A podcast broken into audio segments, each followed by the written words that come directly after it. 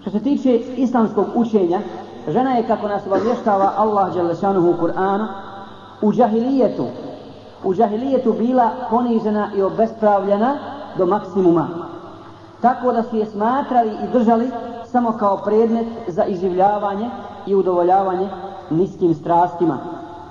Pored toga, mi znamo da su ljudi u džahilijetu mrzili, mrzili da im se rodi žensko dijete, Mrzili su dakle žensko potomstvo tako da kaže uzvišeni, obavještavajući nas i objašnjavajući ovaj njiho, ovu njihovu zabludu i njihovu nastranost, u suri Nahl kaže أعوذ بالله من الشيطان الرجيم وإذا بشر أحدهم بالأنثى ظل وجهه مسودا وهو كظيم I kaže, kada se nekome od njih javi, pogledajte koliko čovjek može se odroditi od svoje prirode, To je njegov plod, plod njegov.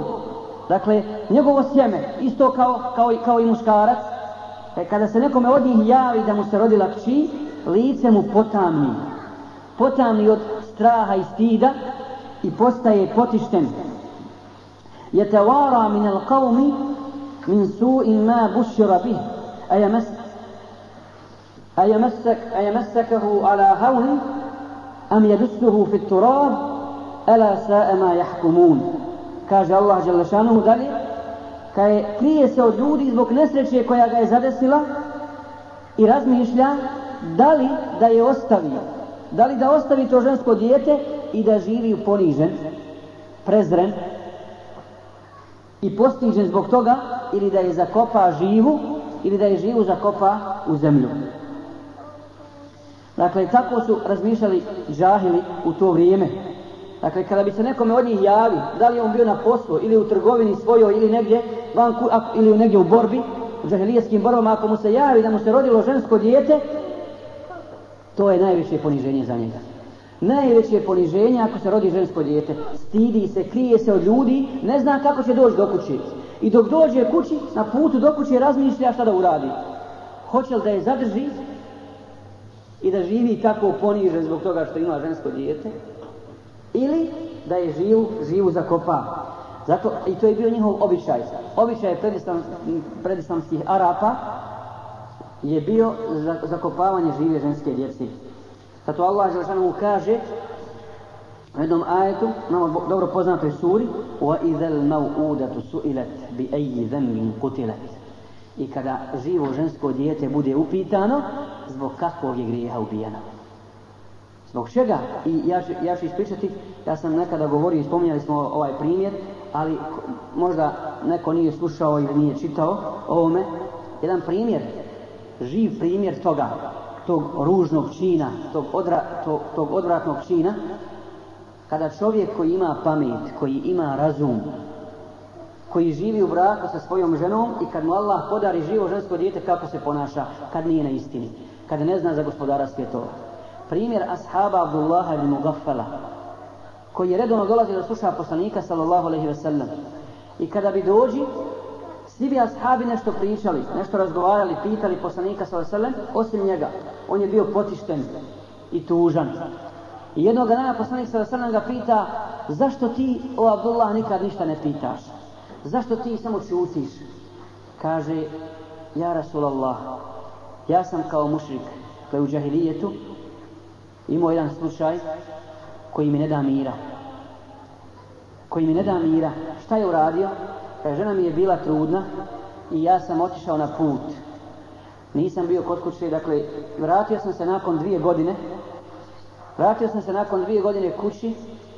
Žena je rodila dijete. Kad sam došao kući, zatekao sam u kući lijepu djevojčicu. Dijete od dvije godine. I rekao sam ženi, Čim sam došla na vrata premiji nagi gizdaju, Kaže žena njegova, vallahi odmah sam znala šta će uraditi. Dok mi je to rekao. I ja sam je opremila i on je odnio. I kad je krenuo s njom, rekla, rekla sam mu, o čovječe, ne je manet. Ne radi to. Pa kaže, otišao sam u jednu dolinu Mekije i našao sam jednu jamu. I još sam je malo produbio Stavio sam svoju djevojčicu tu i zakopao je živu. I kad dok sam god bacao zemlju na nju, ona je govorila, o oče, ne izdaje mane. Dakle, zapamtila je riječi svoje majke i kaže, zakopao sam je tako živu. Dok je on to pričao poslaniku sa Sele, njemu su se suze slijevale iz bradu. I kaže, posle toga, o Abdullah, vallahi, da sam ikoga kaznio šerijatskom kaznom za grijeh prije Islama, tebe bi kaznio. Tebe bi kaznio, dakle, zbog težinije toga grijeha kojega si, kojega si počinio prema svome djetetu. To pogledajte dokle čovjek može da ode. Ima sve isto, dakle, i prije Islama je imao osobine. Allah mu podario i zdravlje, i pamet, i razum, ali pogledajte kako čovjek izgubi i pamet, i zdravlje, i, i misli se na, na, na zdravlje inteligencije njegove, dakle sve izgubi to i na sve zaboravi i potpuno se odrodi, izopači, izokrene kad, kad nema istine sa sobom i kad nema Allahovog svijetu. Zatim, poznato je da su sa ženom postupali u džahilijetu na najgori način. Nisu joj davali nasljedstvo. Nije imala pravo nasljedstvo i govorili su nasljedstvo pripada onima koji mogu držati sablju koji mogu držati sablju i koji mogu jahati, jahati konje u, borbi, u njihovim međusobnim, međusobnim borbama. A za ženu ništa. A, ko to a, a kad pogledamo jednu drugu stvar, samo da su se malo vratili, da su malo razmislili svojim mozgovima, a kojim im to rađa te koji drže sablju?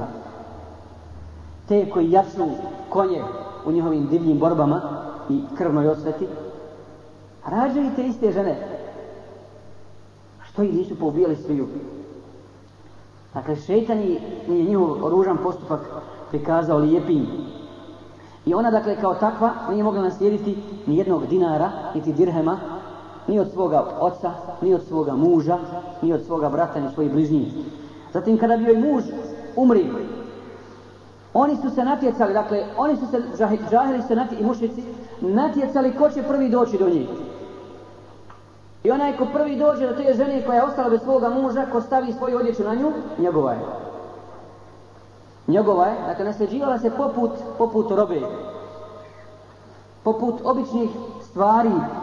I bunila se ona ili ne bunila, bila zadovoljna s tim ili ne bila, ona je, ona je tog čovjeka, nasljeđuje se kao i metak. Zatim taj čovjek koji je to uradio, koji je došao prvi do te žene, on bira hoće li je ženiti ili ako mu se ne sviđa, hoće li je nekome dati odnosno prodati, nasljeđenje i metak i tako dalje. Ili će ostaviti neudatu kao svoju robinju da je on iskorištava kako on hoće. Zato Allah Želešanu mu kaže يا أيها الذين آمنوا لا يحل لكم أن ترثوا النساء كرها ولا تعضلوهن لتذهبوا ببعض ما آتيتموهن O vjernici, zabranjuje vam se da žene kao stvari nasljeđujete te Allah Đelešanu zabranjuje taj loši običaj preko volje njihove i da im teškoće pričinjavate s namjerom da nešto od onoga što ste im darovali prisvojite. Allah to strogo zabranjuje i to je haram. I to je bio odnos prema ženi. Dakle, ili je zakopavana živa, ili je ostavljena tako da se živi u poniženju zbog toga što je rođena, ili, se, ili je nasljeđuje kao, kao običnu robu, ili je ženi, ili je ženi na takav način da može da oženi bezbroj žena. Bezbroj žena, koliko god može da je oženi, on će, on i oženiti i tako su, tako su radili i činili razvrat. Zatim je došao Islam i oslobodio je ženu od svih ovih vrsta poniženja i okova i vratio je njena prava, zaštitio njen položaj i objasnio da je žena druga polovica muškarca.